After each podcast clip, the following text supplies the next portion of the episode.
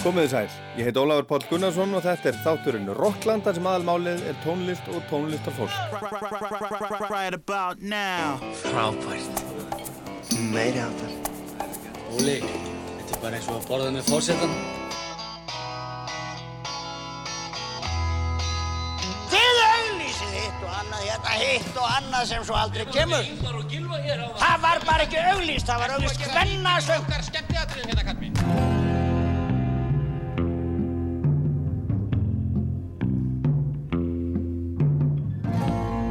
Mestur fókusinn í dag fer í Reeperbahn festival sem fór fram um helgina í Hamburg í Þískalandi. Ég var þar og þar voru fimm íslenskar hljómsveitir að spila og svo hellingur á öðrum en þar voru Mammut, Junius Meivand, Eitel Fresco, Soleil og Vög og við heyrum í þessu fólki hérna á ettir. Reeperbahn er hátíð ekki ósvipuð Æsland svona borgarhátíð í Hamburg. Þetta eru fjóri dagar, hellingur á hljómsveitum og ráðstefna í leðinni. Við skoðum þetta allt saman betur hérna á eftir og líka finska tónlist en hún var í Brennidepli á hátíðin í ár.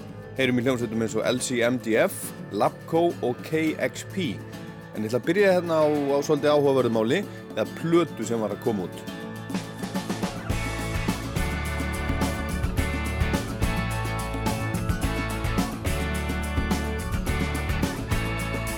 Shuffled through the city on a 4th of July, had a firecracker waiting to blow. Breaking like a rocker who was making his way to the cities of Mexico. Lived in an apartment out on Avenue A, at a tall on a corner of town. Had myself a lover who was finer than gold, but I've been broken, I've been busted up since. Love don't play any games with me anymore like she did before.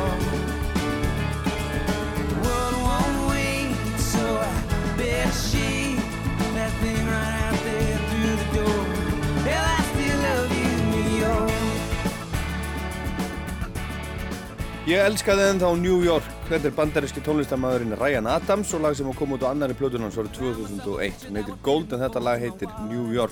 New York. Og nýjasta platan hans sem er hvorki meirinu minna en 15. platan hefst á lagi sem heitir Welcome to New York. Platan heitir 1989, 1989 eins og platan hennar Taylor Swift sem kom út í fyrra. En hann er, sem sagt, búinn að endurgera alla plötuna hennar, taka upp hvert einasta lag og nú er þetta komið út og platan byrjar svona.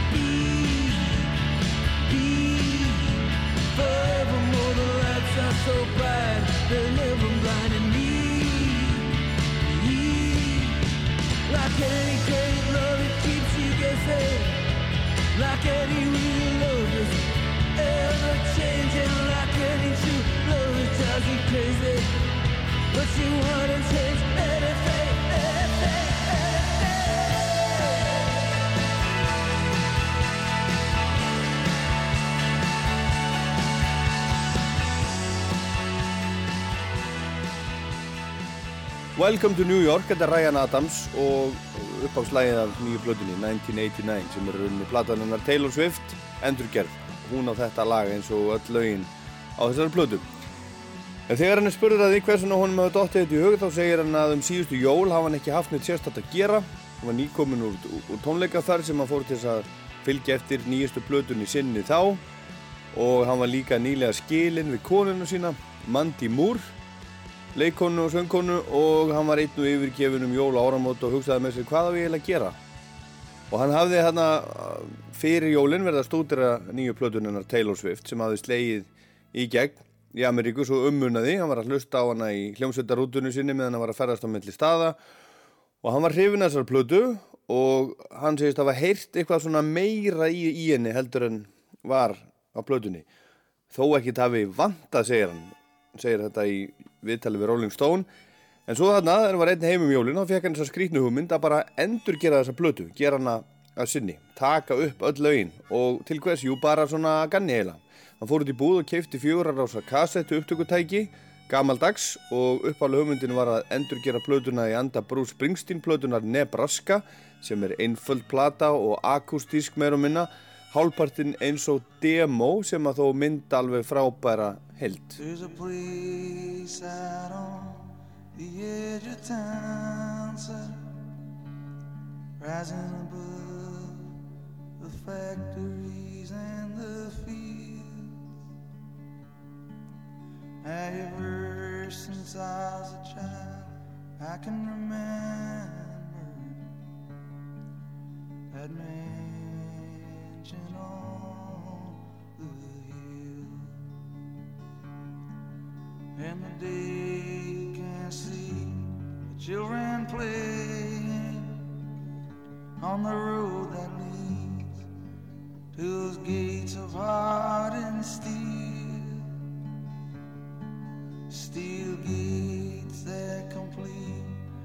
completely surround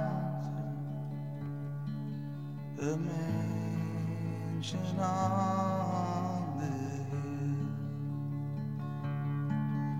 At night, my daddy take me and we ride through the streets of a town so silent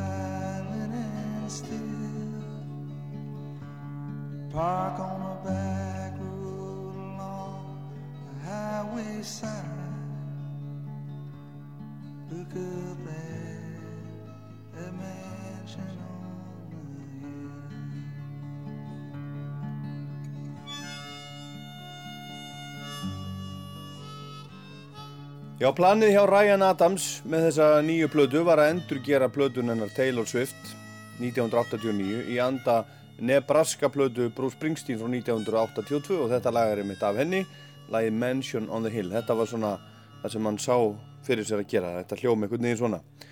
Og Ryan byrjaði að læra þessi lög, útsetja þau fyrir rödd og gítar og munnhörpu, satt við dag og nótt og hann segir að það sé ekkert að lögunum eins og Taylor Swift sendi þau frá sér en það kann fólk að meta þetta, þetta er selst alveg hrikalega vel. En hann langaði bara að gera einhvern veginn eitthvað annað við þetta. Hann vissi að þau myndu hljóma öðruvísi þessi lög, sungin og spiluð og honum myndu fá svona aðra merkingu.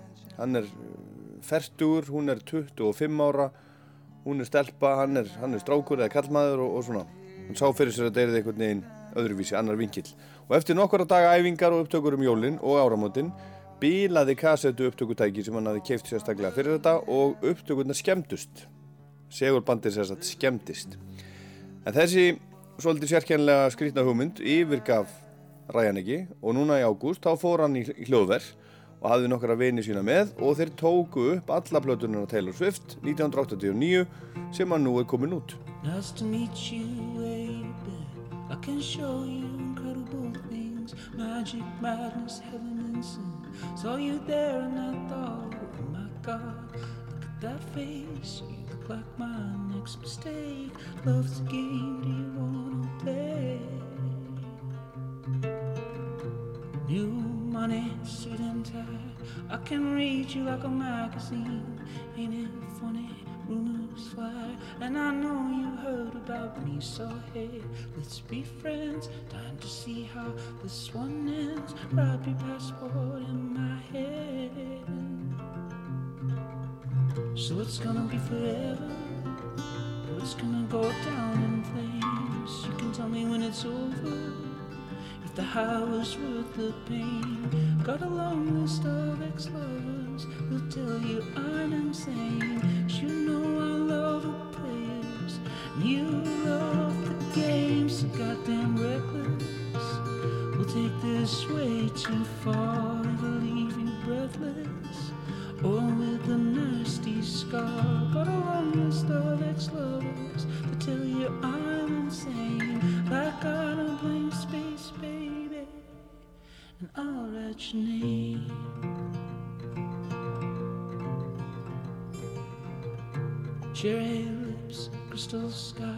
I could show you incredible things. Stolen kisses, pretty lies. I'm your king and you're my queen. Find out what you want. Be that girl for a month. Wait, the worst is yet to come.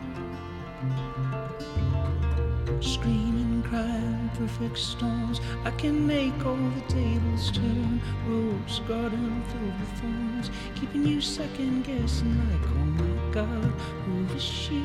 I get drunk on jealousy, but you'll come back each time you leave. So it's gonna be forever, or it's gonna go down in flames. Er Ást Losti söng Einar Örd með Purki Pilnik árið 1980 og hér er verið að syngja um það sama eða svona hér um bil. Blank Space af plötunennar Taylor Swift 1989 sem kom út í fyrra og Ryan Adams endurgerði og var að koma út með honum. Þetta er hans útgáfa. En þessi stelpa, Taylor Swift, hún er fætt árið 1989, 25 ára gömul og einn skærasta pop stjarnabandaríkjana í dag og búin að vera í nokkur ár, country popstjarnar. Hún er frá smábænum Wyomissing í Pennsylvania en 14 ára gömul flutt hún þaðan til Nashville þar sem allt er að gerast í músíkinu sem eru vilja meina sé tónlistar höfuborg bandarækjana og það stóð aldrei neitt til hjá henni annað en að meika það sem countrysönguna.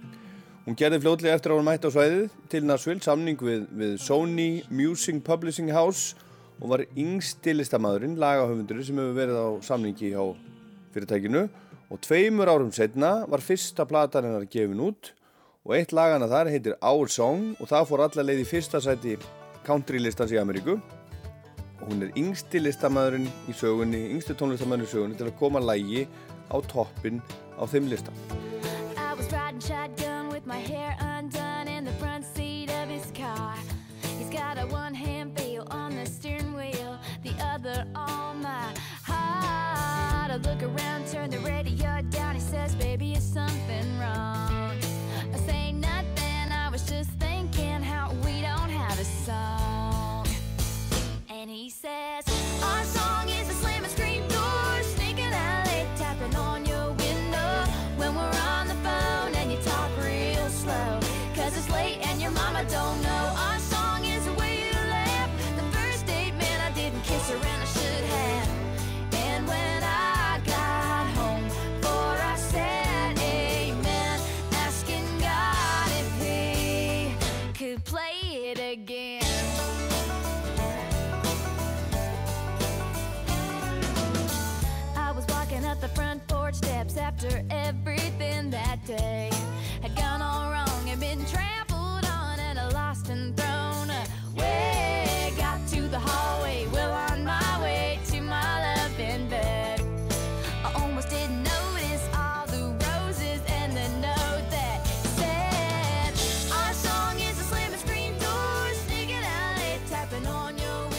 Fyrsti smellurinn hennar Taylor Swift, Our Song af fyrstu plötununum sem kom út árið 2006 og hún hlaut fyrir hana Grammy tilnefningu 2008 í flóknum nýliði ásins, 19 ára gömul, platan kom út þegar hún var 17. Og síðan þetta var hefur stjarnar Taylor Swift ekkert gert annað en að rísa, hún er risa stjarnar í Ameríku. Og um leiðum að kemur inn í Country Music Hall of Fame í Nashville, þar sem ég var svo heppinn að vera núna daginn, þá kemur maður að sérstöku herbyggi svona fyrsti viðkomustadur rými sem er tilengað henni. Það eru kjólarnir hennar og skór og gítarar og alls konar dót. Hún er með miklu starra plásar til dæmis heldur en Dolly Parton og Loretta Lynn. Hún er þekkt fyrir sögurnar sem hún segir í lögunum sínum Three Chords and the Truth er málinn segja margir hún hefur verið verðlaunuð fyrir tónlistarnu sína marg oft, hún er sjöfaldur grammi velunahafi hún á 22 Billboard Music velun 11 sinnum hefur hún fengið Country Music Association velun og meiri sé að Britt velun og nú þegar er hún einn af, af sölu hæstu listamönnum allra tíma hún hefur selgt meirinn 40 miljónir platna á ferlinum og 130 miljónir einstakra laga hefur hún selgt í gegnum netið, svona download. Og þegar önnur platan hennar Fearless kom út 2008 var þetta orðið annað og miklu meira en eitthvað, eitthvað country. Hún var þinn helsta pop stjarnabandarækjana bara á, á mjög stuttum tíma og þar er hún enn, hún er super stjarnar um allan heim.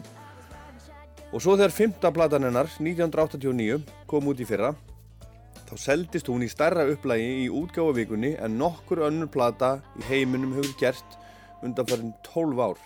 Hún er algjör risið þessi stelpa.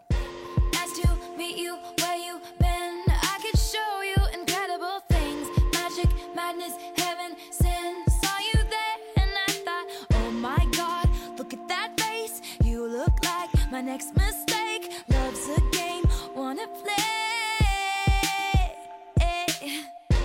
New money, suit and tie. I can read you like a magazine.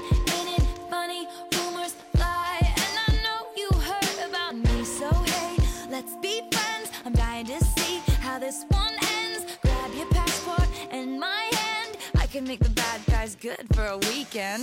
So it's gonna be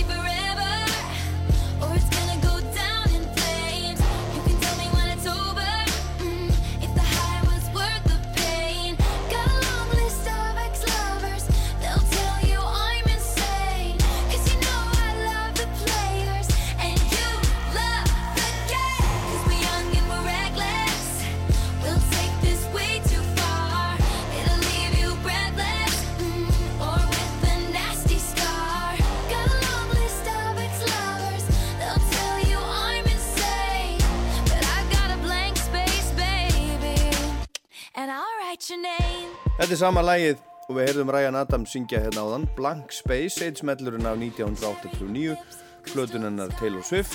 Og þetta er auðvitað ekkert country en hún er samt stærsta country stjarnabandarækina í dag, ég held að mér sjálf átt að segja það. Þegar hún heyrði að Ryan Adams væri að endurgera plötuna hennar og væri hugsanlega að plana útgáfu þá sagði hún á Twitter Is this true? og svo komur sex spurningamerki I will pass out Er þetta satt? Það líður yfir mig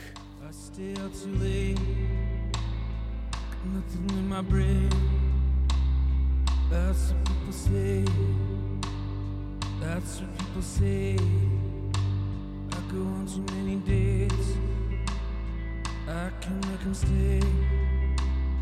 that's what people say. That's what people say. I keep cruising, can stop, won't stop moving.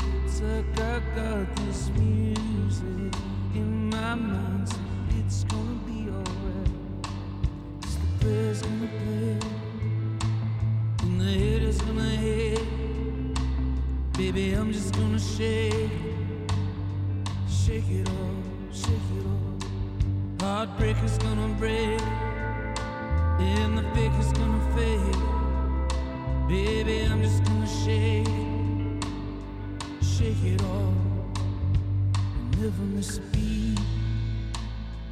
Lightning on my feet. That's what they don't see. That's what they don't see.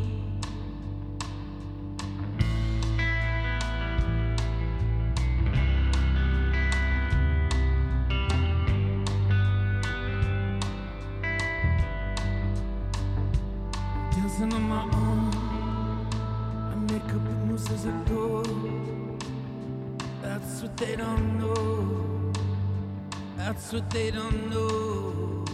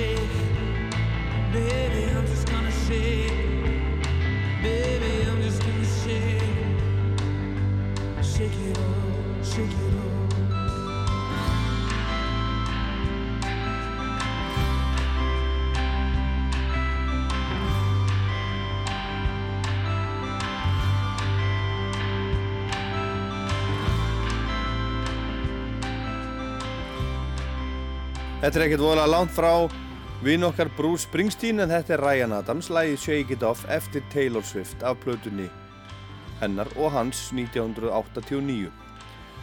Og Ryan hefur sagt að þetta sé alvöru mál hjá honum, hann sé ekkert að þetta sé ekkert grín og hann sé ekkert að dissa Taylor Swift á nokkurn átt, hann sé búin að vera aðdáðand hennar mjög lengi síðan heyrði lagið hennar sem að heitir White Horse árið 2009 og þau hittust svo fyrir nokkurum árum í hljóðverðinu hans í Los Angeles og tók eitthvað upp, sömd eitthvað saman og tók eitthvað upp, minnst eitt lag sem enna minnst hefur ekki verið gefið út.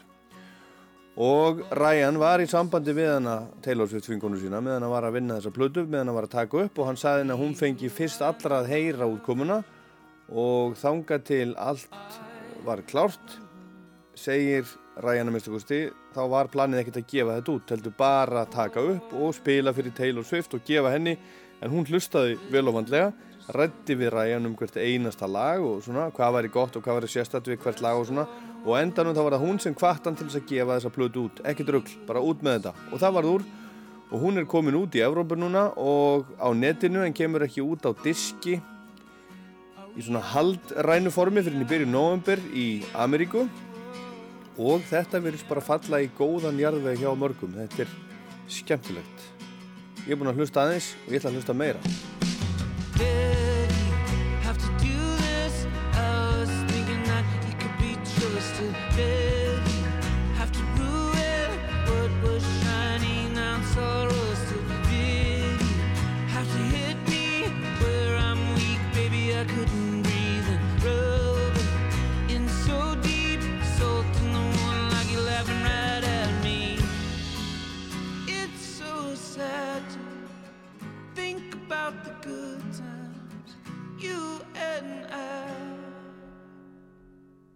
baby, now we got bad.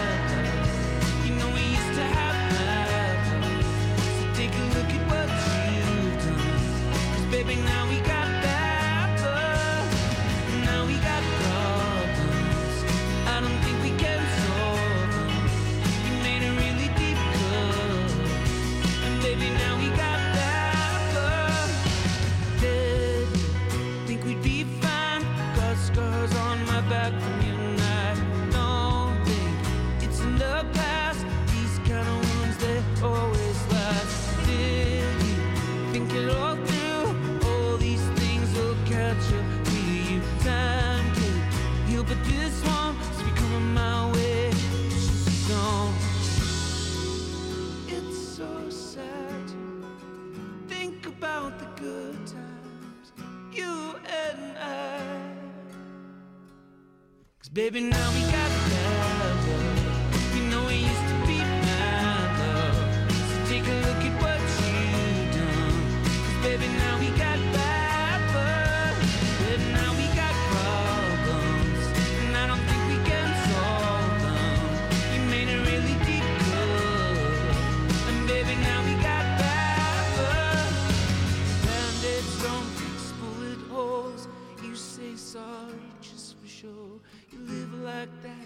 live with ghosts. If you love like that, your blood runs cold. And baby, now we got bad. You know we used to be mad love. So take a look at what you've done. Cause baby, now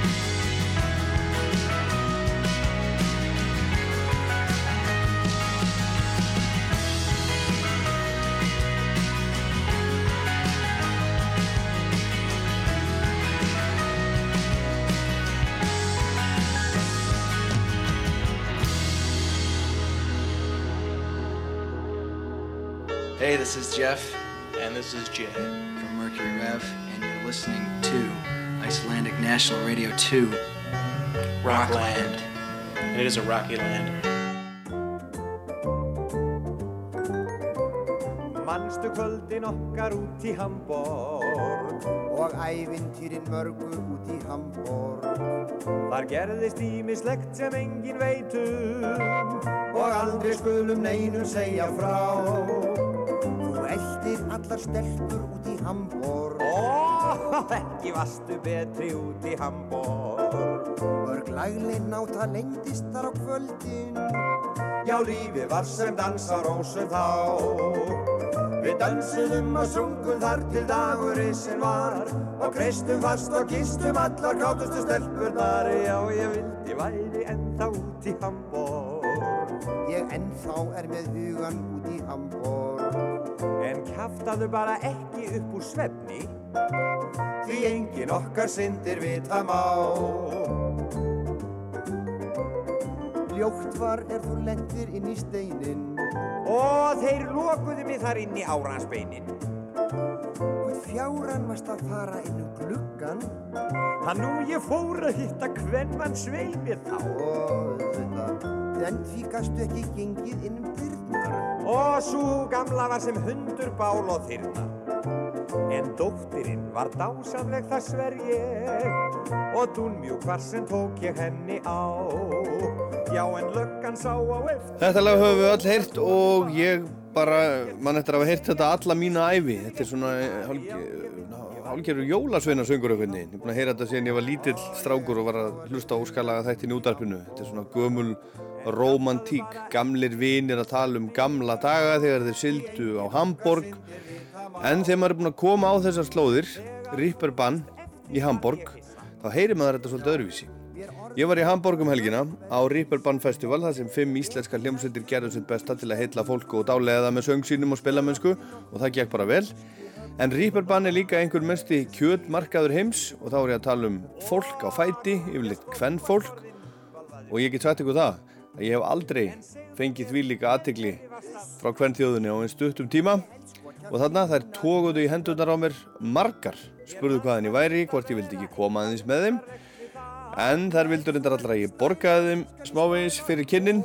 En þannig er það á Ripperbann sem er svolítið eins og laugavegurinn á Þorlásmessu og Gamláskvöld og menninganótt, allt í bland. Og allt í bland í rauninni þar að auki, músík og matur og fjölskyldufólk og bjór og brennivín og stripparir og sexshoppur og, og gleðikonur.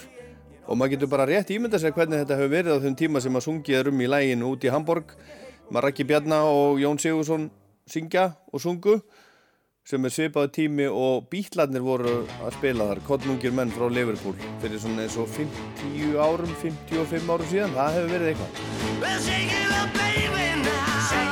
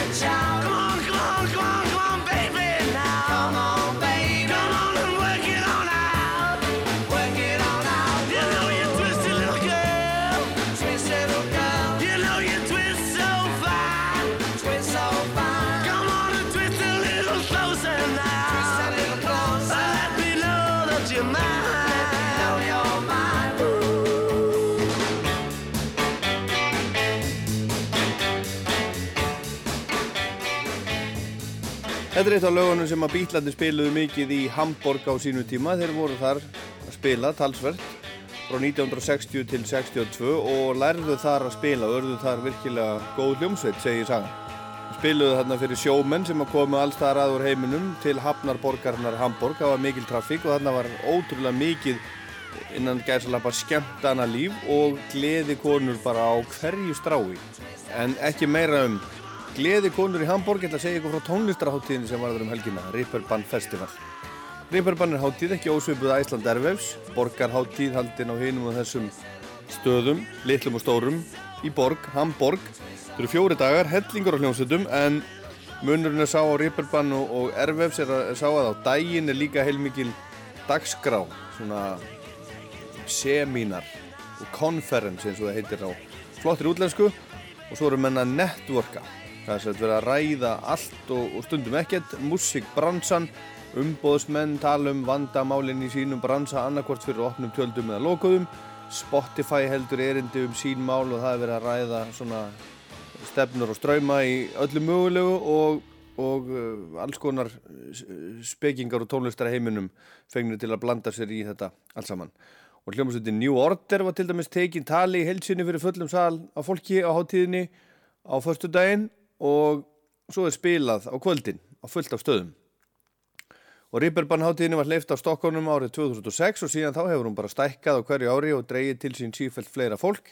Í ár voru viðbörðinir á háttíðinu um það byrj 600 talsins og þar á voru tónleikarnir um 400 og hljómsveitirnar allstaðar aður heiminum og yfirleitt eru þetta listamenn sem er að reyna að koma sér og nafninu sínu og tónlistinni sinu þetta á framfæri eins og hann var að gera þarna nýjast og uppáhaldi mitt eftir þessa háttíð, norðmaðurinn Jónas Alaska. I had a friend so sweet to me. Everything she did was fun. And in her eyes it was clear to see she's more true than anyone.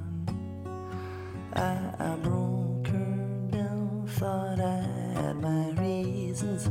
I left her in a hole and made her say please when she never meant to hurt me.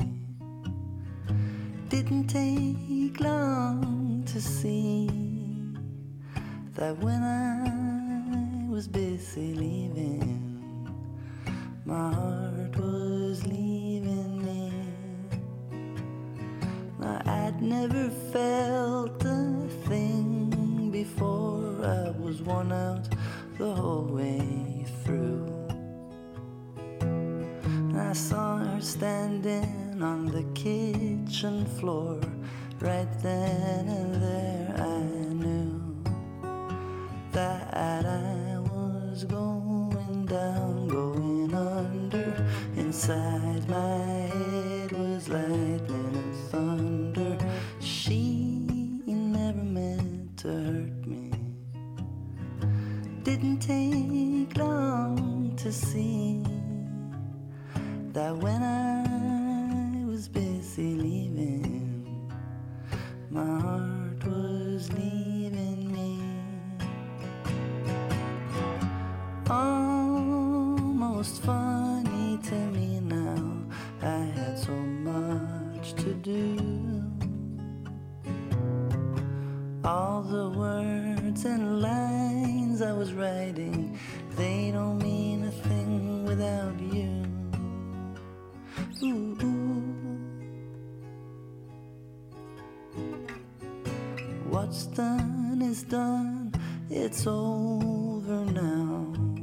shaken up and all alone. I wish I knew, but I don't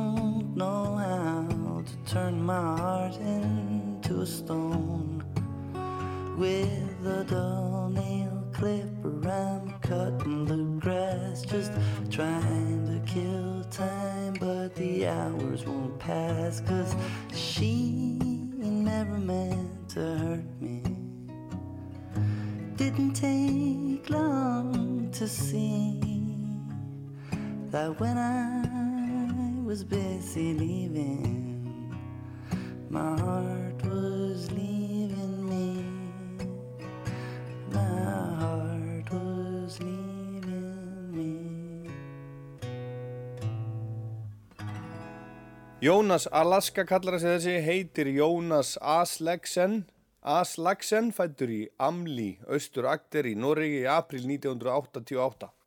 Leiðin lág í Paul McCartney skólan í Liverpool þegar hefðbundinu skólagöngu í Noregi lauk í skólan sem Björn Jörundur fór í til dæmis og fyrir fjórum árum kom svo fyrsta platan hans út, vakti strax mikla aðtegli í Noregi og seldist vel, náði fymta sæti norska vinstallalistans og hann hlaut ímsar viðkenningar og slíkt á norsku tónlistavellunum og í kjölfarið bauðst hann um að spila á ímsum tónlistarháttíðum í Noregi fyrst og svo annar staðar.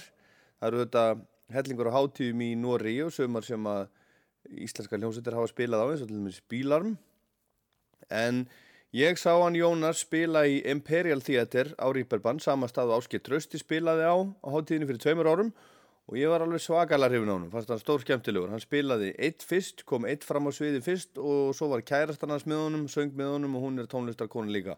Og hann er flinkur hann er flinkur gítarleikari, hann er fýtt söngvari hann, er, hann semur skemmtilega lög og þetta er svona þetta er heilmikið í þessu, það myndi mig soldið á Bob Dylan, soldið á Elvis Costello og jafnvel soldið á sjálfan Paul McCartney. En lagið sem við höfum á þann var tekið af þriðju plötunans, Younger, sem kom út á þessu ári og það er lagið sem hann byrjaði á og við fáum hérna annar lag sem hann spilaði líka. Það heitir Animal. He can't see us, I told her underneath the stairs.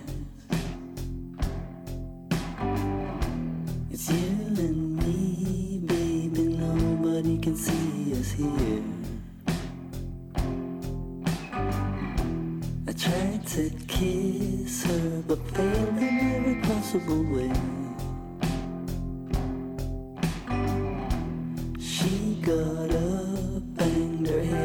Head, and then she made me stay.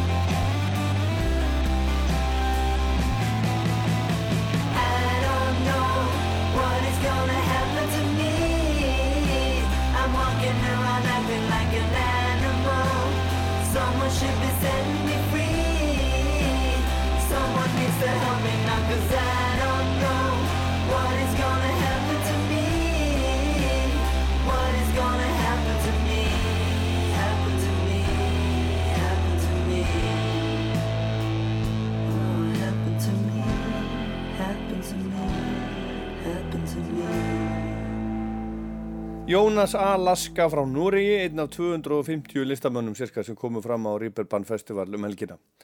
Það spilað á næstum 70 stöðum á klubbum og börum og í bátum og í kirkjum og söpnum Á hátíðina koma cirka 3500 manns úr musikbransanum, bókarar, umbósmenn, fjölmiðlafólk, útsendrar, plötufyrirtækja og fólk frá útflutning skrifstofunum. Það er alltaf það er komið svona music export meira á minna allstaðar og tilefnið eru þetta tónlistin og allt í kringum hana vegna þess að auk þessara 400 tónleikar sem fara fram eru um það byrju 160 viðburðir aðrir, pallbólsumræður, kynningar í miskonu það sem er verið að kynna nýjungar í þessu öllu saman, músík á netinu og allt það, og allt það. en við skulum heyra hérna næst í bandi frá Kanada sem ég heyrði á förstaskvöldið á skemmtilegum bar. Á Reaper Band, bandið er, er rock trio frá, frá Edmonton í Alberta en gerir út frá Vancouver og heitir Hot Panda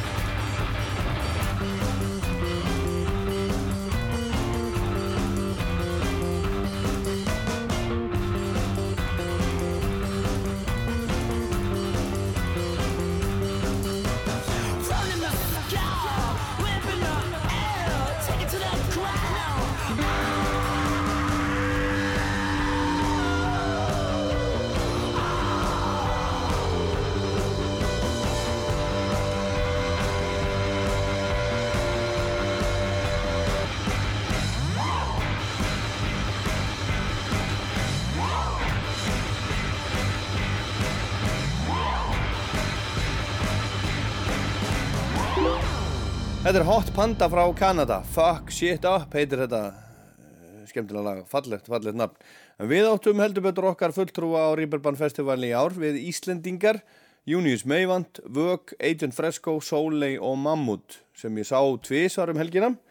Og fyrst á torginu á, á Reaper-bann í Reaper Bus eins og það heitir en þangað komu hljómsveitur og spiluðu óramagnað fyrir þýska útvarpið og hambúrgarbúa í leiðin. Það þurfti ekki að borga inn á það. Þetta var mjög skemmtilegt, bara svona, svona rúta sem er búið að breyta í svona útsendingabíl og svið.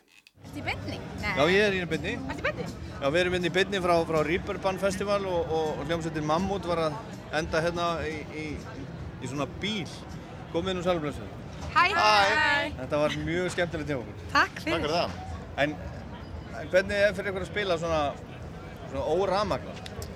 Þetta er náttúrulega, þú veist, þetta er hvað, þriðja skipti sem við gerum þetta á ferlinum, sko. Já. Og Er þú veist, þriðja skipti það á svona tveimu vikum eða eitthvað annað. Já, ok. Þannig að hérna, þetta er svolítið svona, svolítið öðruvísi. Þú veist, við vildum aldrei gera þetta en svo einhvern veginn prófaðu þetta bara. Þetta er alveg svona, verður skemmtilega og skemmtilega einhvern veginn. Þetta er svolítið eins og að vera orðin sko 15 ára aftur og nýbúin að vinna músiktilunir. Já. Sem maður fær svona sama sviðskrekkin. Af því maður veit ekki alveg hvað við erum að gera sko. Svona ný, ný típa sviðskrak allt í Já. hérna, sko, en en við heldur þetta að bara vera Hollt fyrir okkur held ég. Já. Að vera ekki, já, Það er að prófa að vera smá óörgur. Já. En þetta bara hljómaði vel. Gott að heyra. En hver, hver á hljóðfærin? Við fengum lánað eða allt hérna. Ne nei, nema patinn og alls, já, það helmingin Fengum bara svona lánað hjá... Já, hér og þar, bara út um, út um allan bæ. Við vorum eitthvað skottast út um allt í gæri, eitthvað að sækja þetta, í- svona. Já, en þetta er svona smá vesen. Þetta er vesen, já. Já, svona smá vesen. Já. En það er alltaf gott að hafa pínu vesen. Það verður alltaf að vera Þannig að vesen. hafa eitthvað fyrir hlutunum. En létuð þið fólki vita að þetta væri ekki svona eins og þið hljómi vennilega? Við glemdum því Við glemdum, glemdum að segja það, en það er alltaf læg. Já, þannig að það er kannski að koma alls konar sögur. Já, ég heyrði þetta í Mammut frá Íslandi. Þau eru bara svona, svona óramagnað. Já, svona óa mikið svona þjóðlaga pop eitthvað svona. og- Já. En svo mæta þau kannski í kvöld sko og fá algjörst áfall. Já, vonandi. Það við- var sjokkið. Já. Gæti Það var sjokkið. Já. En þið voru með annað svo, svona í gær? Já, vorum alltaf svona vorum gigg í svona gær. að spila í svona ráftækjabúð sem líktist mikið Elko. Þetta var samt sko plötubúð. Það var blötubúð en við spilum á ráftækja hæðinni samt. Já. Eða svona, nei, þetta var samt, það var bara mjög fyndið og skemmtilegt, sko. Já, þetta var eins og að spila í Elko á Þorláksmessu. Það var svona stemning. Elko Lindum. Já, er, er ekki. Akkur það. En býðum við, hérna, hvað er að gerast hjá, hjá ykkur nákvæmlega um þessa myndir? Já, þú veist, kannski aðal svona verið svona frekar nýlega búin að skrifa undir hérna blötusamling hjá bresku uh, fyrirtæki sem heitir Bella Union uh, og Við erum að semja nýja plötu. semja nýja plötu og erum að fara að túra með Off Monsters and Men og erum að fara að hitta fyrir þau á Evrópatúruna í oktober og november Já. Fyrir til bandaríkina þar á Fyrir bandaríkina á undan, það er svona helsta Brjálað að gera? Það er rosa mikið að gera, sko Loksins? Loksins. Já. En er þetta ekki bara alveg, alveg rétt í tíminn? Ég meina þið eru bara alveg, alveg reddi? Við erum 100% reddi, sko Já. Búin að vera allra reddi, líf. já, búin að vera reddi allan fyrirlin Nú er þetta bara að koma, vonandi En hvernig líst ykkur á að vera upphittunarband? Ég meina það er sko, eh, þú veist, upphittunarbandi spilar oft bara, þá er öll ljós kveikt og liðið að lappa inn og fá sér bjór og svona og spjalla saman. Það getur rafmagn og neitt, sko Já, er það alveg, alveg klá, klárið það? Við erum með plan B, akústik, dóti. Já, ef það fer allt Nei, já, það er bara gaman. Já, já. Það er bara, Ég held það að er bara við- ég- ég held að ótrúlega mun alveg gaman. trýta okkur vel, sko Já. Ég, það, þá erum við allan með, við erum við þurfum ekki að ágjöra því að fólk mæti ekki. Er- Nei, nei. nei.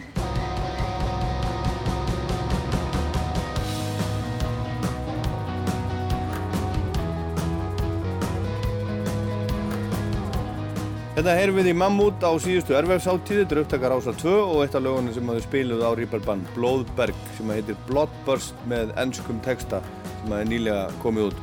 Við höldum áfram með Rockland og Ríperbann hérna á eftir, heyrum þá í Vög, Júniusu Meivand og Agent Fresco og fleiri.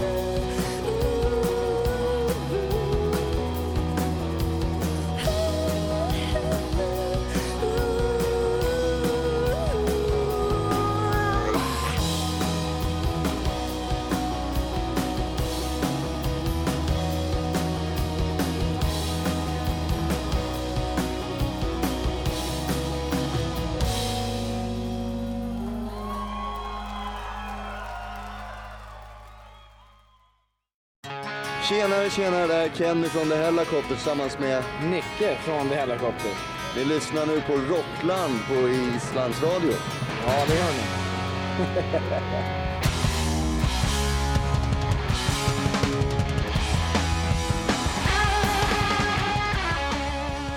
Já, þetta er Rockland á Rástfö og við heyrðum hérna rétt áðan í hljómsveitinni Mammut á Æsland Ervefs, upptökur Rása 2 frá síðustu Ervefs háttíð og nú, er, nú styttist heldur betur í þá næstu en um helgina var það Ripperbann festival í Hamburg í Þýskalandi og þar spilaði Vög og Agent Fresco og Soleil, Junius Meivand og Mammut og þau Alexandra gítarleikari, Arnar gítarleikari, Ása bassaleikari og Katrína sönguna þau voru hérna áðan að segja frá og tala um næsta æfintýri sem, sem að býður þeirra tónleikaferðum Evrópu með Of Monsters and Men Við byrjum í Oslo og endum Endur sko í Þýskalandi, við fyrir alveg niður til, veist, alla leiðina, öll undir það niður til hérna, Ítalju og svo aftur svona hálfa leiðinu. Já, já. Fáið þið að vera með í fínu rútun og svona? Uh, Við erum okkar eigin fínur úti. Já, við erum betri rútu. þau. Svona aðeins minni, miklu betri. Það er miklu stærri, eða miklu Miklu betri, það er miklu Já. að vissu leiti. Af því að eitthvað. En hvernig, hvernig lítur svona, svona dæmi út fjárhagslega? Ég menn, er þetta, er þetta bara eins og fjárfesting, þú veist, eða, eða, er þetta að koma út úr þessu? Við verðum ekkert eitthvað eitthvað eftir þetta sko. Nei. Þetta er meira svona fjárfesting sko fyrir framtíðina. Já, þetta er bara gaman. Ma, já, maður má ekkert vera hafa ágjur á peningunum. Nei, Nei, nei. það kom bara setna. Það kom bara að setja. En hvað segir þið, ný, ný plata? Nýplata. Ætla ekki að láta sjö ári líða á milli, eða, Nei, hún kemur út næsta vor. er það? Já. Við máum taka hann upp í janúar og februar. Já. Og er einhver, er einhver svona ábyrjandi breyting, stefnubreiting? Já, hún verður ennsku. Það verður meira, já, ennsku já. Já. Það er ógstilega spennandi. Loks, já, okkur, já, við ætlum að prófa að gera það. Aldrei langað að gera það, nú langar okkur að gera það. Já, Svolítið en gaman. hún verður bara á einsku. Já. Já, hún verður bara einsku. Og maður er eitthvað pæling að gera hana á íslensku líka en svo, þú veist, skil, ég veit ekki alveg hverju, en, en þú veist, svo veit maður aldrei hvað gerist. Kannski virkar það, kannski virkar það ekki. Kannski verður hún á íslensku, en núna er allan að planið að gera hana á einsku. Já. En mér fannst gott hjá okkur, eh, eh, mér fannst gott að heyra hérna eitt lag á íslensku Já. áðan. Allir, eh, þið ætlaði að halda því áfram. Já, já. að vera með eitt og eitt. Já, sumlegu eru alltaf íslensku. Já. En þetta er bara hann á tilraun. Maður er bara eitthvað, að verður alltaf að prófa eitthvað nýtt, fara út hann Það mannum. verður bara að þróast aðeins. Já. Já, augra sér. Já, já. En hvað haldið þið með svona hátíð eins og þetta, Reeperbahn Festival? Þetta er svona hátíð sem er, sem er svolítið í læginu eins og erfið, það er mikið af alls konar konum og köllum sem að eru í þessum heimi, tónlistarheiminum, bladamenn og bókarar og útdagsmenn og hitt og þetta. Eh, Kemur eitthvað út úr svona löguðu, haldið þið? Já, maður veit aldrei, sko. Það kemur bara alltaf svona eftir á. Þetta er svona, uh, ég held að það sé einhver svona mýta að maður hitt farið skrifundi samning hérna á staðinum, sko. En þetta kemur kannski svona nokkrum mánuðum eftir að það kem, poppar alltaf svona einn og einn upp sem er eitthvað, heyrðu þið, ég sá ykkur þarna. Já, veit. Þannig að þetta virkar. Ég held, ég menn að það er fullt af fólki sem sér okkur og fullt af fólki svona á bransanum sem kemur og mætir og svona og Það er búið lítið hægt að pæla eitthvað í þessu. Maður bara Já, spila á giggum og svo að verður maður bara að sjá já. hvað gerist. Einmitt, við erum ekkert eitthvað svona að stíla þetta inn á eitthvað, þú veist, að eitthvað að heilla einhvern endalega, við gerum þetta bara eins og við gerum þetta og svo vonandi bara gerist eitthvað, kannski. Já. En við erum alltaf í fríka fínum málum núna. Gangi ykkur svakalega vel. Takk fyrir. Takk fyrir mig. Takk fyrir. Bless. Já, bless. Bless. Fætur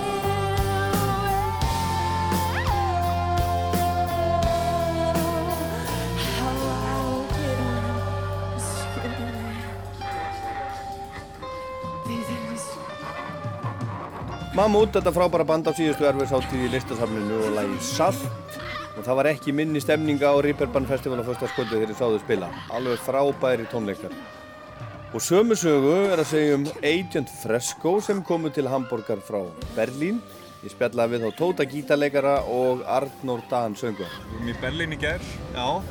Spilum mjög gott gig þar og erum í kvöld hérna á Ríbebann. Já. Voruð þið mjög góður í gerð, er það satt? Mm, já. já, þetta var mjög gott, þetta var mjög gott. Það var bara gaman að byrja aftur. Ég var að fatta að þetta var svona fyrsta headline venue tónleikar hjá okkur bara í, í nokkuð ár kannski. Annars hefur þetta bara verið hátíður og, og bara við að semja hlutu. Þannig að komast í gang aftur og taka 75 mínútur sett var alveg, veist, magnað. Og að sjá að fólk voru í stöði. Mikið af fólki? Já, það var bara, það var, já, það var bara aðeinslegt. Og eru þið svona eins og, eins og margir eða þú veist þessar hljómsveitir eru að selja plötur og ettir og svona og... Já, við erum með managerinn okkar hérna frá Þýskalandi að ferðast með okkur. Hann er bara að selja merch Já. svona eftir og fyrir tónleika. Og hérna, já. Þannig að þið eru, þið eru, þið eru ekki í því sjálfur, ekki að hoppa út í sal og við erum að selja, selja plötur hérna Nei, og... það hjálpar auðvitað alltaf að stökka út svona fram bara til að taka fólki fyrir að mæta líka og standa Já. hana. Ég reyni alltaf að gera það bara strax eftir gig en Vá, bara, ég svitna líka svo mikið að það væri bara hættulegt að hafa með það. Ég myndi eðilega svo mikið mörds, þú veist, allt rennandi blöytt og, uh, já, nei, nei, það, það, það gengur aldrei upp. Maður þarf líka að vera snöggur bara strax eftir gig og ná, þú veist, fólkinu á með á- áður það fara út. Þannig að það er gott að vera með tilbúin bara uh, við útganginn og við komum alltaf út og, og þökkum fólk fyrir og, og tökum myndir með fólki líka. Já, já. Bara, það er svo gaman. Það er eitt að tengjast við fólkinu upp á svið, annað er líka bara eftir gigið og svona. Já, já. En nú er eins og svona hátíðir eins og þessar, þær eru ekki, þær eru ekki endilega að borga hljómsveitunum mikið fyrir að spila, þannig að, að þetta er svona, eh, þú veist, nöðsynlegt, þetta svona hjálpar að halda þessu á floti. Þetta er réttlæti ferðina sko. Taka nokkuð gig í leiðinu sko. Já. Það voru líka hefnir að við erum heima á Íslandi þar sem er hægt að sækja um styrki líka eitthvað fyrir svona og við erum með úttónu og svona þannig að þetta er, þú veist, það er, það er við vorum að tala við managerinu okkur um þetta, þú veist, já, Þísklandi, það er ekkert eitthvað, þú veist, fyrir hljómsveit að sækja um styrkir og svona og það er nöðslegt fyrir okkur, við þurfum að fljúa alla leið til Þísklands og það fyrir flesta hljómsveitir ge- gengur það bara ekki upp peninglega séð, þannig að þetta er svona meira bara sem svona bónus, skilju, en við erum bara sjálfur bara að spila rosalega mikið, við erum bara góðir í að safna peninga og saman og en hérna, en jú, klálega svona, á svona mánuða Evropatúr þá er mördssalan stundum bara að bjarga mann alveg, þú veist, maður borga allir með sér líka alveg fullan laun og Já. kannski getum við líka fengið laun. Já, það var alveg næs einhvern tíma. Það var einhvern tíma En næs. það, en það, en það er bara kannski. Já, það var kannski. Við erum En seljast þér í kokkunar. Já. En hvernig er þetta þá hægt? Þú veist, ef að hljómsveitin ekki eru plötur að seljast mikið, svona venjulega. Bara ástriðan, er það ekki bara? Þetta er bara passion. Það er, þú veist, við, við, Og svo er það náttúrulega þessi vona að ná, ná í gegn á stærri, Já. einhvern risamarkað. Þetta er auðvitað allt, hvað getur maður sagt, þetta er bara svona investment, þú veist, við erum bara með, með, með svona hátíðar eins og Rýpabann og að fara að túra og, ekki vita hvort það er að fara að mæta 50 manns eða 200 eða 400 manns. Við erum bara að reyna að búa til framtíð með hljómsveitum en, en á meðan erum við bara að skemmta okkur vel og við bara, við, við náum einhver meginn að, já, við erum eins og ég sagði aðan, við erum dögulegir að safna peningar saman og dögulegir að spila rosalega mikið og, og já, þetta er bara, þetta er svona mini fyrirtæki bara í rauninni, það er að vera klókur, við erum ekki bara að eða peningan í mikið laun til miður, sérst á okkur, sérst á skónu hans tóta og sérst á bukstunum mínu, gati rassinu að það er bara, já, já, já. En hvernig lítur uh, nánast að framtíð út hjá okkur? Ég meina, til dæmis eins og þetta ár, þeir, þeir eru með náttúrulega nýja plötu. Já. Eru með, já þeir eru með þýskan umbásmann, segir þú? Já, við erum með, uh, við hérna, við erum bara með útgáðtónleika núna næstu viku og það er bara uppselt í hörpunni og það er alveg 700 manns og Evropatúr, reysa Evropatúr í november og desember. Það er að reyna að spila eins mikið að þetta er á meðan líka á Íslandi en ég veit ekki hvað við náum mikið. Þetta er bara í rauninni tvær vikur, við erum eitthvað heima, ég fyrir eitthvað út. Já. Um, Þannig að það, þið eru að fara að spila mik mikið Já. út í Evrópu. Já, og þá ætlum við að skoða banduríkan þá líka næsta ára. Við veitum ekki alveg hvort þetta er fyrir sumar eða eftir sumar, en þá sumarið í festivalum og svona. En líka eins og erfitt að segja, en bara við viljum gera eins mikið á hættir núna, promóta blötuna eins vel á hættir Já. og spila bara eins, eins og við gerðum 2011 og 10 þegar við gáum út á Listen. Og eru þið búinir að taka soundcheck? Já. Já. Við, við þurftum að mæta klukkan 12 eða eitthvað, Já. þannig við erum síðastur í nótt og við vorum ekki í Hamburg, þannig við þurftum að vakna hálfsjö í morgun alvöru? eftir gig í. Já. Þannig við ætlum að leggja okkur kannski núna. Smástund. Já, það var kannski fínt. Já. Æ, við verðum að gera það. Ég ætla að leifa ykkur að, drífi því bara. Já, takk fyrir. Sýnistu dróði halda. takk ykkur fyrir spjallið og lakka til að sjá ykkur í kvöld. Já, takk. Takk fyrir.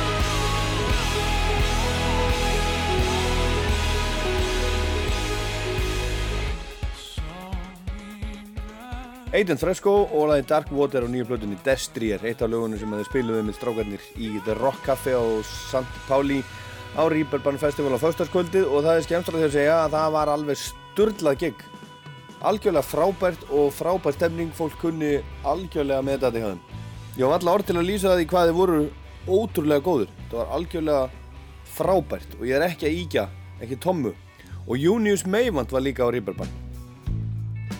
all alone.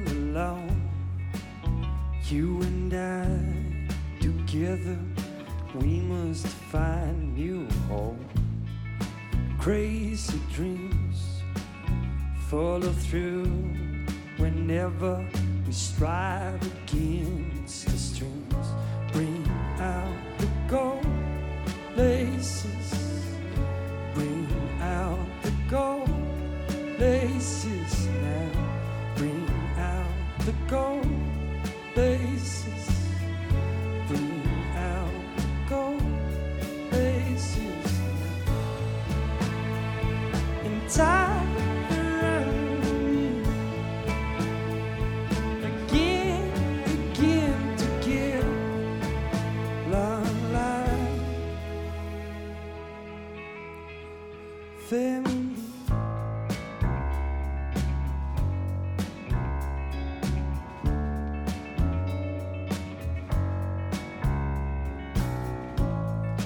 hand in hand, walking down the aisle, searching for a new land.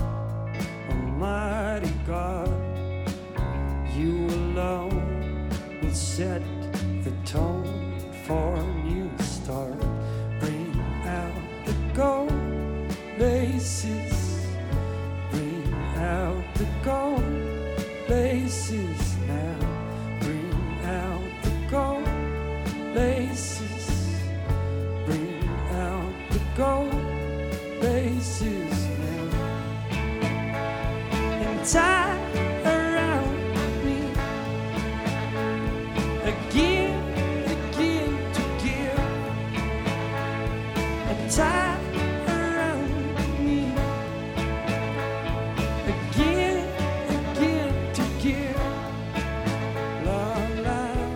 Þetta er hann Június Meivand á síðustu erfæfsháttíð, upptakar rásar 2. En hann Június, hann heitir alls ekkert Június, eins og margir vita. Hann heitir Unnar. En, en, en Június Meivand, það er, þeir eru svona fundist að virka betur. Svona, Já, það er léttara fyrir útlendingin að segja Gunnar Gísli og, og óþjált fyrir hinn almenna útlending. Já, þannig að þú, þú hefur strax, strax hugsað út. Já, ég vildi íslenskt sem myndi virka bæði heima og úti. Út að ég syng á ennsku, þá miða maður oftast út, sko. Já. Það er eitthvað þannig. Já. En þú ert búinn að vera að spila, spila sla, slatt í útlöndum. Já, já, undanfarið. Já, ég er búinn að að spila mikið í Danmörku og líka í Þískalandi hérna og líka í Englandi og, og Bandaríkjónum. Já, mjög lítið í Bandaríkjónum samt. Já. Og hvernig leggst þetta í þig? Bara, bara mjög fínt, sko. Þetta er, þetta er mjög gaman. Hvað varst að gera áður en að þú varst í Június Meivand? Túriskætt. Já, þú er, já, er það? Já, mamma, mam- mamma og pappa eru með túristafyrirtæki. Já, ok. Já. Sérst í Vestmanni? Já. Já, já, þannig að þú, þú, þú, þú, þannig að þú hefur svona reynslu af því að tala við útlendinga. Já. Og það nýtist þér í þessu? Já, já. Ha. Já, já. Síðan var ég líka, ég verið í öllum vinnum í heiminum eins og flestir tónlistamenn. Þeir bara einhvern veginn fara í alla vinnur í heimi til að finna sig og Já. já, eins og ég segi. Það er bara það er rosa mikið af vinnum sem ég hef farið í. En, en túriskætt, ég var að gera það. En ertu eitthvað í því ennþá eða, eða ertu... Nei, nei, nei, ég þurfti, ég þurfti eiginlega að flýja frá Vestmannum út að, til að geta sinnt eitthvað tónlistinni. Já, já. Þannig að þú ert bara að fókusera á það núna? Já, túristarfið er, er, það er bara svona eiginlega 24-7. Já. Þannig að það var, já, ég er bara í því núna. En hvernig gengur þér að lifa, að lifa á þessu? Þetta er strögg. Ég er, eins og er, er ég í vinnu semst upp á flug, Reykjavíkflugli. Ég er að dæla bensín á vélar. Nú er það? Já, já. Það er svona partjobbið mitt, en ég er að fara að hætta því núna bara í nóvember Já. og fer algjörlega yfir í þetta. Já. Það verður eitthvað strögg og maður verður bara að sjá. En þetta er, þetta er náttúrulega raunveruleiki sem að svo margir tónlistamenn díla við. Ég meina, Hau, Haugur Mortens vann meira og minna allæfi sem, sem stefnuvottur. Já, já. Já. Já, ég vissi að því. Og þetta er bara svona, og þetta er bara ennþá svona. Já, já, þetta er bara, þetta er hark. Ekki nefn og sláir í gegn bara Rolling Stones væs, en annars er þetta bara hark. Og þú, þú ert alveg bara sáttur við það og klárið það? Já, já. Stöpp í harkið? Já, það er allir að harka eitthvað stað. Já.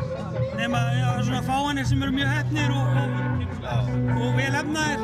En hinnir, þetta er bara, maður er einn af þessum 99,9%. En hvað er það sem að, sem að, þú veist, svona, ít, ít, svona ítir þér áfram í þessu? Svona þegar þetta er svona strögg, peningaleysi og erfitt og allt þetta, þú veist. Þetta er bara miklu meira gefandi en ann- annar starf og líka ég fengi bara svo mikið samvinskupið ef ég var að búin að semja svo mikið efni og það er alltaf að semja eitthvað nýtt. Það, þetta er eiginlega bara, já, ég er að svíkja, ég var að svíkja hjartað, mikið, mikið. Já.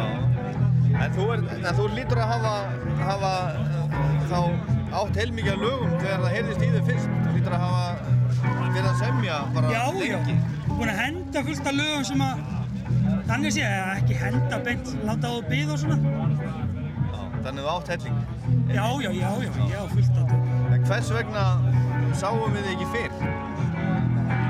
Ég bara var ekki með manager og ég er þannig, ég var einn af þessum, haugum bara.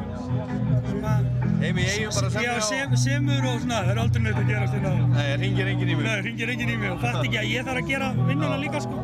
Þannig að það, það er galdurinn sem að þú, þú er að komast að núna að þú þarft að vera þig eftir björginni. Já, og vera með mann í þessu sem að svona, prómóta mig. Listamenn eru rosalega lélegir í að selja við listaverki sín sjálfur. Það er mjög gott að fá einhvern vinsinn til að hæpa upp verkin sín, sko. Að Það er bara þannig. Já. Og þú ert að spila á eftir þetta ekki? Jú. Ég verið gaman til kirkju, en ég veit ekki alveg hvað hún heitir en. Já, þú ert, þú ert, þú ert í kirkju, já. Já, þetta er gaman til kirkju, gömul kirkju. Ég veit ekki alveg hvernig venju þetta er. En hvað, hvað, hvað er bandið? Við erum fimm eins og það. Og þú borgar öllum og... Já, við erum svona, við gerum díla núna með hvað við eigum lítið pening og þeir eru inni hjá okkur segna. Þannig að þetta er, þetta er algjört hark eins og er. Já. En svona er þetta. Svona er þetta. Erðu gangið þið vel? Laka til að sjá þig í kvöld. Já, takk fyrir það. This is our last song. It's called Oh, You're Sidekicks. You're freaking sidekicks. What? I'm stunned. The spirit in here, it's just one, you know.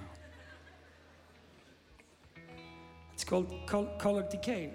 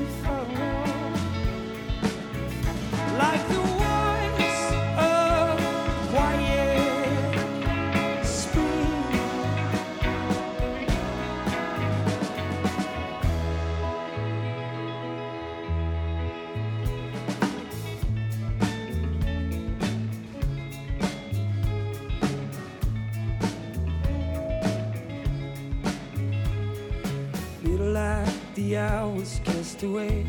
I wonder time.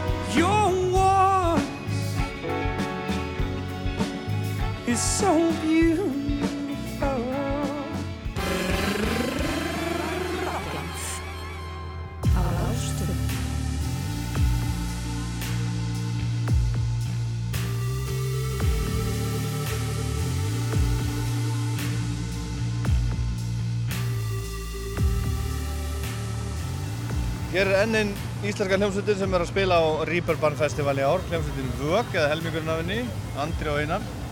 Einar er nýja, nýjasti meðlimurinn. Já. Er hann, er hann, er hann alvöru meðlimur eða er hann, er hann auka?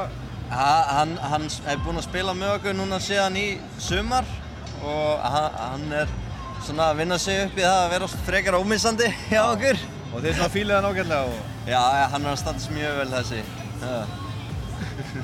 Herðu, en þú ert í annari hljómsveit líka þegar? Ég, ég sá þig í, í músiktilunum einhvern tímann? Já, það var, það var sama ár og, og hérna, Vög kæftu og unnu hérna, 2013.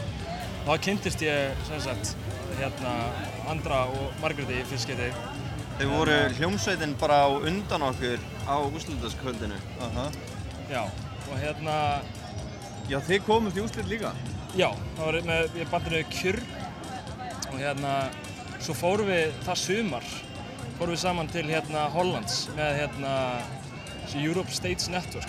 Já, það er hérna Ása í hinu húsinu sem Já, að- sem sagt vög og kjörn. Já. Já. Já, þannig að þið hafið svona Við vorum sem kynst sagt... betur þar. Já, við vorum sem sagt bara tvö í hljómsveitinni þá og vorum bara minnsta hljómsveitin sem að hefur unnið þessa keppni Já.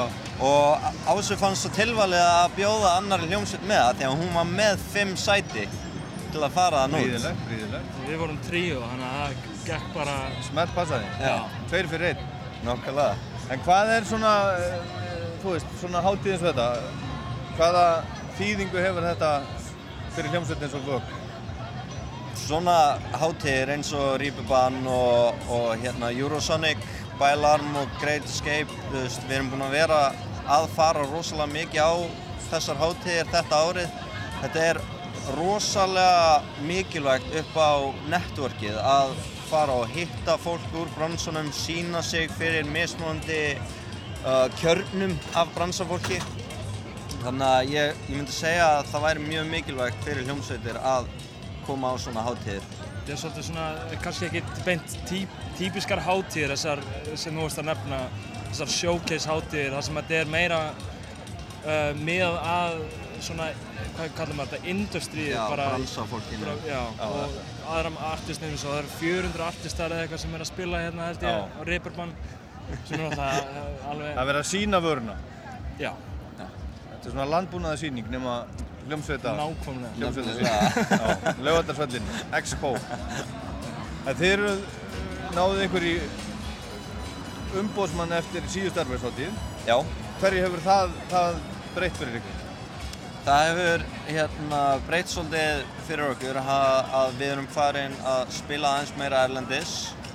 Við höfum hérna, aðeins bara svona þróað okkur aðeins lengra heldur en að við hefum ímyndað okkur eða veist Kannski búið að vera bara önnur, annað par af augum, utan að það komandi augum Já. sem að, kannski þú svona mótandi. ekki- Já, þú ert ekki bara einblín á tónlist.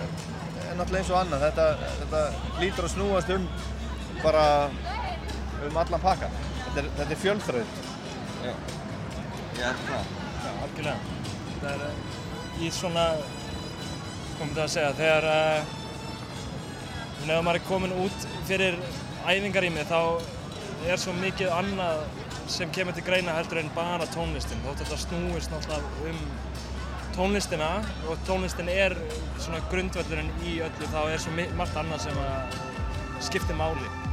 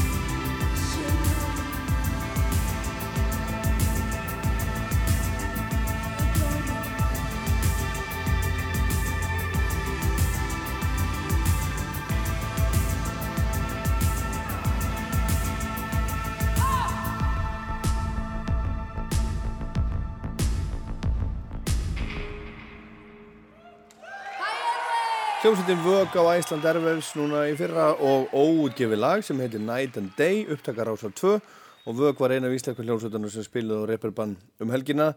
Spiluði tvísvar í gerkvöldi og einu sinni á föstudaginn. En ég hitti þá andra sem er annar af stoppmeðlimunum og einar sem er nýjasta viðbútin, trommarinn á föstudaginn snemma. Hvernig sjáu þið bara svona þetta ár fyrir ykkur? Þetta ár núna er svona... Eða næsta ár svona... Já, svona... einmitt, þa- þa- þetta ár er samt búið að vera rosalega skemmtilegt. Við erum búin að upplifa mjög mismunandi tónlistaháttir, uh, bara rosalega lærdómsríkt ár og okkur langar eiginlega að taka næsta ár bara svona skrefinu lengra og vera á fleiri hátíðum og vera lengur að og, og ásamt því að, að vinna í plötun okkar sem að Já. kemur vonandi einhvern tíman út. Já, það er kannski næsta mála dagskrá. Hvenær kemur stór plata frá hljómsveitinni Vög? Það, hérna... Það er lindamál. Það er lindamál. Og þið eru að spila hérna uh, þrísvar, eins og í kvöld og tvísvar á morgun. Já. Við erum sem sagt með tvö on-venue gig og eitt off-venue. Og er það, það á einhverju klósetti eða? Ég, ég hef ekki séð venjúin okkar fyrir morgundaginn en venjúið fyrir kvöldi í kvöld lítur mjög vel út. Og svona ein, ein hurð, það er e- engin frontur á staðnum, það er bara ein hurð sem er graf framan á og þú lappar inn og upp stiga og það er bara stór salur bara upp á annari hæð, bara falinn alveg frá hérna gödunni. Þannig að þetta verður eitthvað. Endalaust að svona litlum tónleikastöðum hérna, svona leyndum búllum. En hvernig er, hérna, nú eru þið búin að spila svolítið og svona og fara hinga og þanga til ímissa landa. Eru þið, eru þið stressuð að, að er fara á svið? Það er rosa mismunandi. Það, hérna, það er svo margt sem að spilar inn í. Bara, þú veist, vorum við að fljúa og keira í sex tíma áður en við erum að spila, þú veist, hvernig er bara overall haldið utan um tónleikana, þú veist, hvernig eru græðunar og svona, en svona almennt séð þá erum við aðeins rólegri heldur en í byrjun árs til dæmis. Þegar við vorum á Eurosonic þá vorum við eiginlega svolítið, svolítið hæper hérna fyrir hverja tónleika. sko.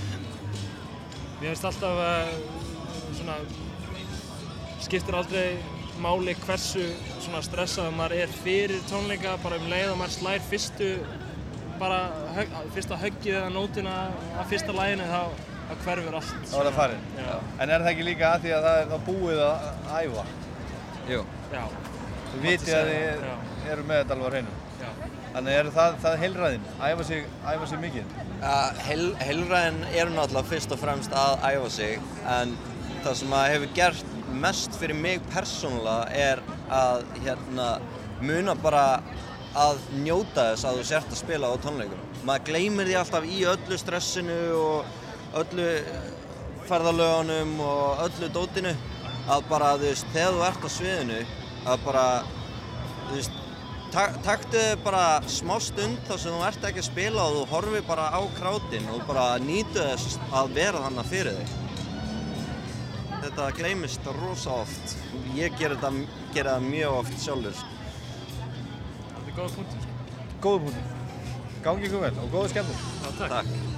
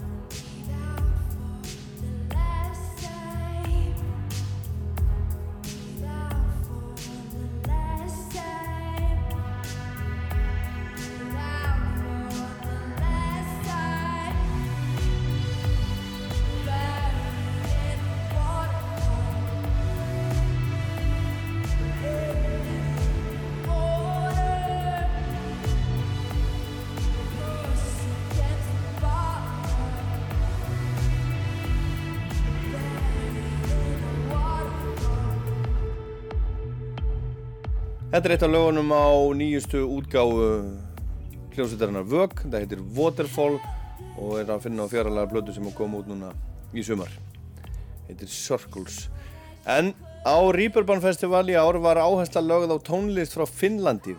Það er mikið að gerast í finnskri tónlist og við verðum kannski ekki svo mikið vörfiða hérna inn í loftbólunni á Íslandi en ég ætla að bjóða upp á örlíti Finnland hérna í Rocklandi dagsins. Herrum í þremur hljómsveitum sem spiluðu á Rýpurbanum helgina, þremur ólíkum hljómsveitum og byrjum á Labco sem er rockband sem að vinnindir Ville Malja sem að spila úr gítar og syngur, Ansi Nordberg, bassarleikari og Janne Hækkonen, trommari, stopnuð árið 1996. Tveir þeirra voru saman í listaskóla en hættu, droppuð út eins og það er kallað og vinur þeirra sem að vanni í stálsmiðju. Þeir eru sett æsku vinir frá litlum bæi sem heitir Harjavalda. Þeir voru saman í íþróttum þegar þeir voru strákar en svo kynntust þeir músikinni, NOFX og svo Tool og Helmet og Placebo til dæmis. Fyrsta platan kom út 2004, næsta plata sem kom út 2006 kom sveitin á toppin á finska vinsallalistanum og Lapko er nokkuð þekkt stærði í Finnlandi. Vinsalljómsveit, við skulum heyra hvernig þið hljóma. Hi, this is Mark Mars and you're listening to Radio 2.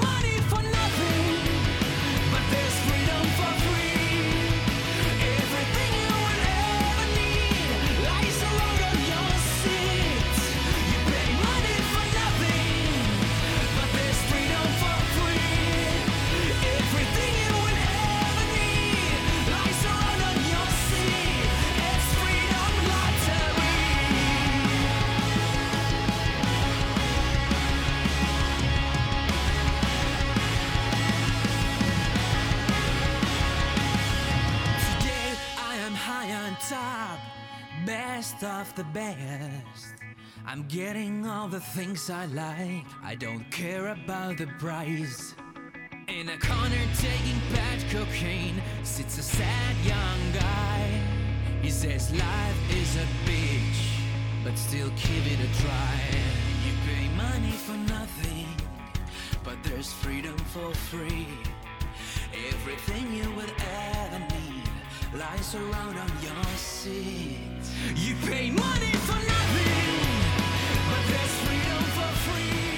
You pay money for nothing, but there's freedom for free. Þetta er hljómsveitin Lapco og lag sem heitir Money for Nothing. Eitt af böndunum frá Finnlandi sem að spiluðu á Reeperbahn Festival fullt af hljómsveitum frá Finnlandi.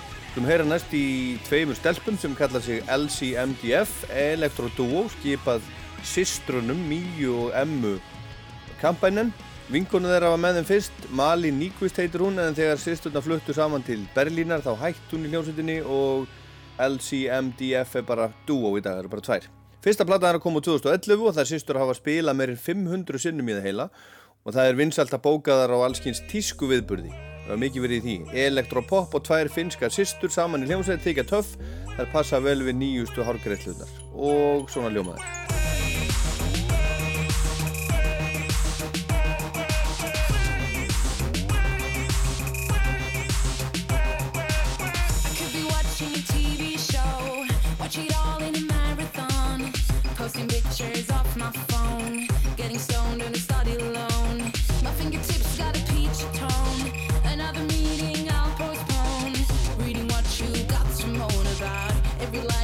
Stepping stone, right?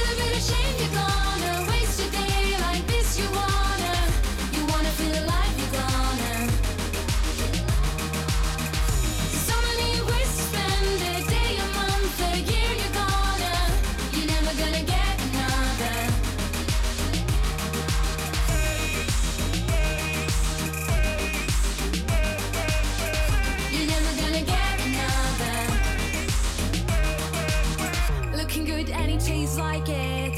This one will get a million hits. Still my pins so you think you know me. Still a trainee with a bachelor's degree. Think we gonna have an order in. Five bottles, yeah, I got my spin. Nights out to the early hours. In the city that we think is ours.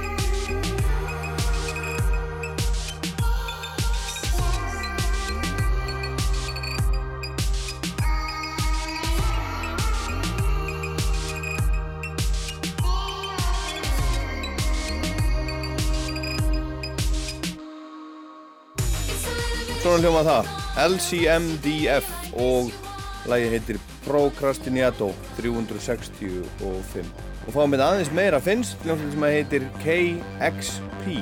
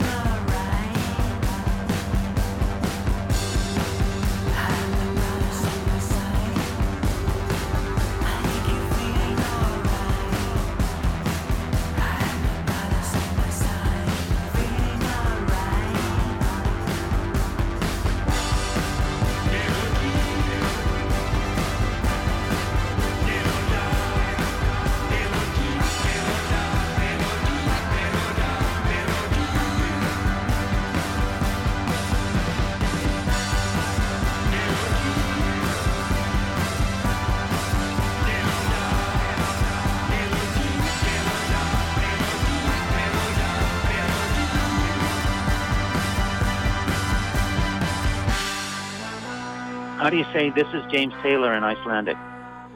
Þe um, Þetta er Þetta er Þetta er, þetta er James Taylor. Já.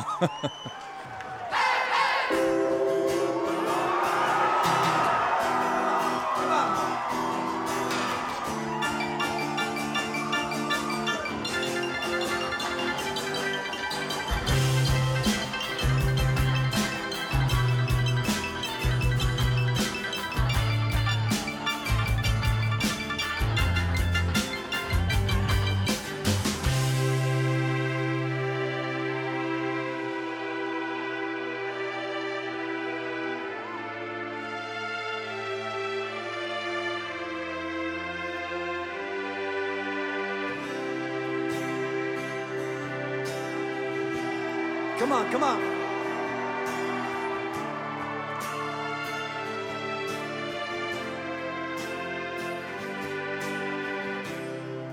Her name is Yoshine.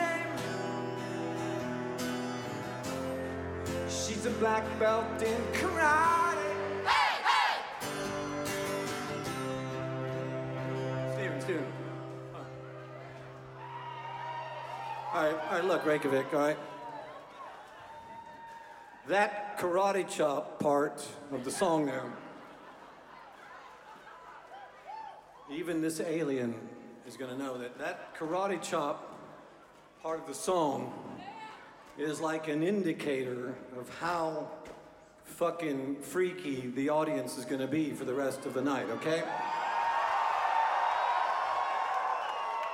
Now, look, this is the this is the last this is the last night of the festival. Come on, this is our time together. All right, come on. Everybody that's been working the festival is now starting to get fucked up, all right? So you've got to help them. Come on, come on.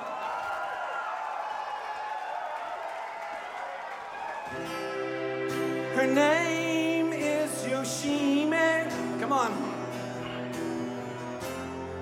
She's a black belt in karate. Working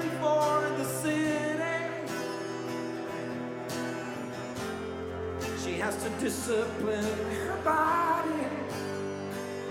Cause she knows it's demanding to defeat those evil machines. I know she can beat them. Oh, Yoshime, they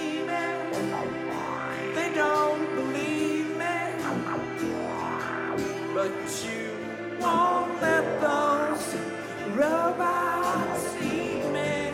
Yoshime, they don't believe me.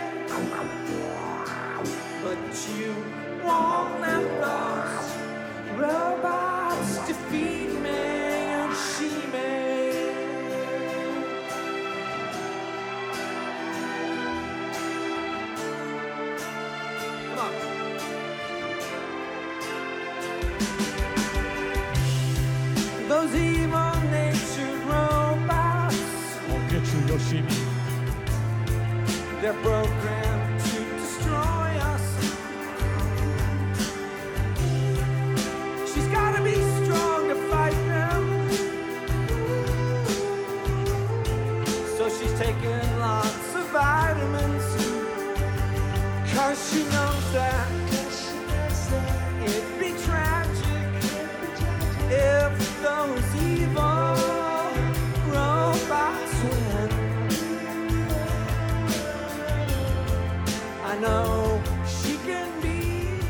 Þá bara komið að lokum Rocklands, þetta er síðasta lægið og ég en- vendum þetta hérna á frábærum tónleikum hljómsveitarinnar The Flaming Lips á síðustu erfefsáttíð sem fóru fram í Valsheimilinu á sunnudagskvöldinu. Þetta er upptakar ása 2 og við ætlum að útvarpa þessum tónleikum í heilsinni næsta 50. skvöldi. Þetta er um koncert kl. 22.05.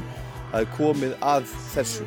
Það voru frábæri tónleikar sem Albert Fimboðarsson, okkar maður á Rástfjörð, hljóðritaði og hljóðblandaði fyrir okkur. En Rockland er á netinu og út um allt, fullt af þáttum í hlaðvarpinu og það má sækja þá á vefinn og skella í síman sinn eða iPodin eða iPadin eða hvað sem maður vill og hlusta þegar manni hendar, þegar maður er í flugi, þegar maður er í baði, þegar maður er upp í rúmi, þegar maður er í gunguferð á malbyggi eða á fjalli. Maður hefur þetta bara nákvæmlega eins og maður sjálfur vill. En ég heit Ólafur Páll Gunnarsson, takk fyrir að hlusta. It'd be tragic if those evil robots win. Come on. I know she can beat them.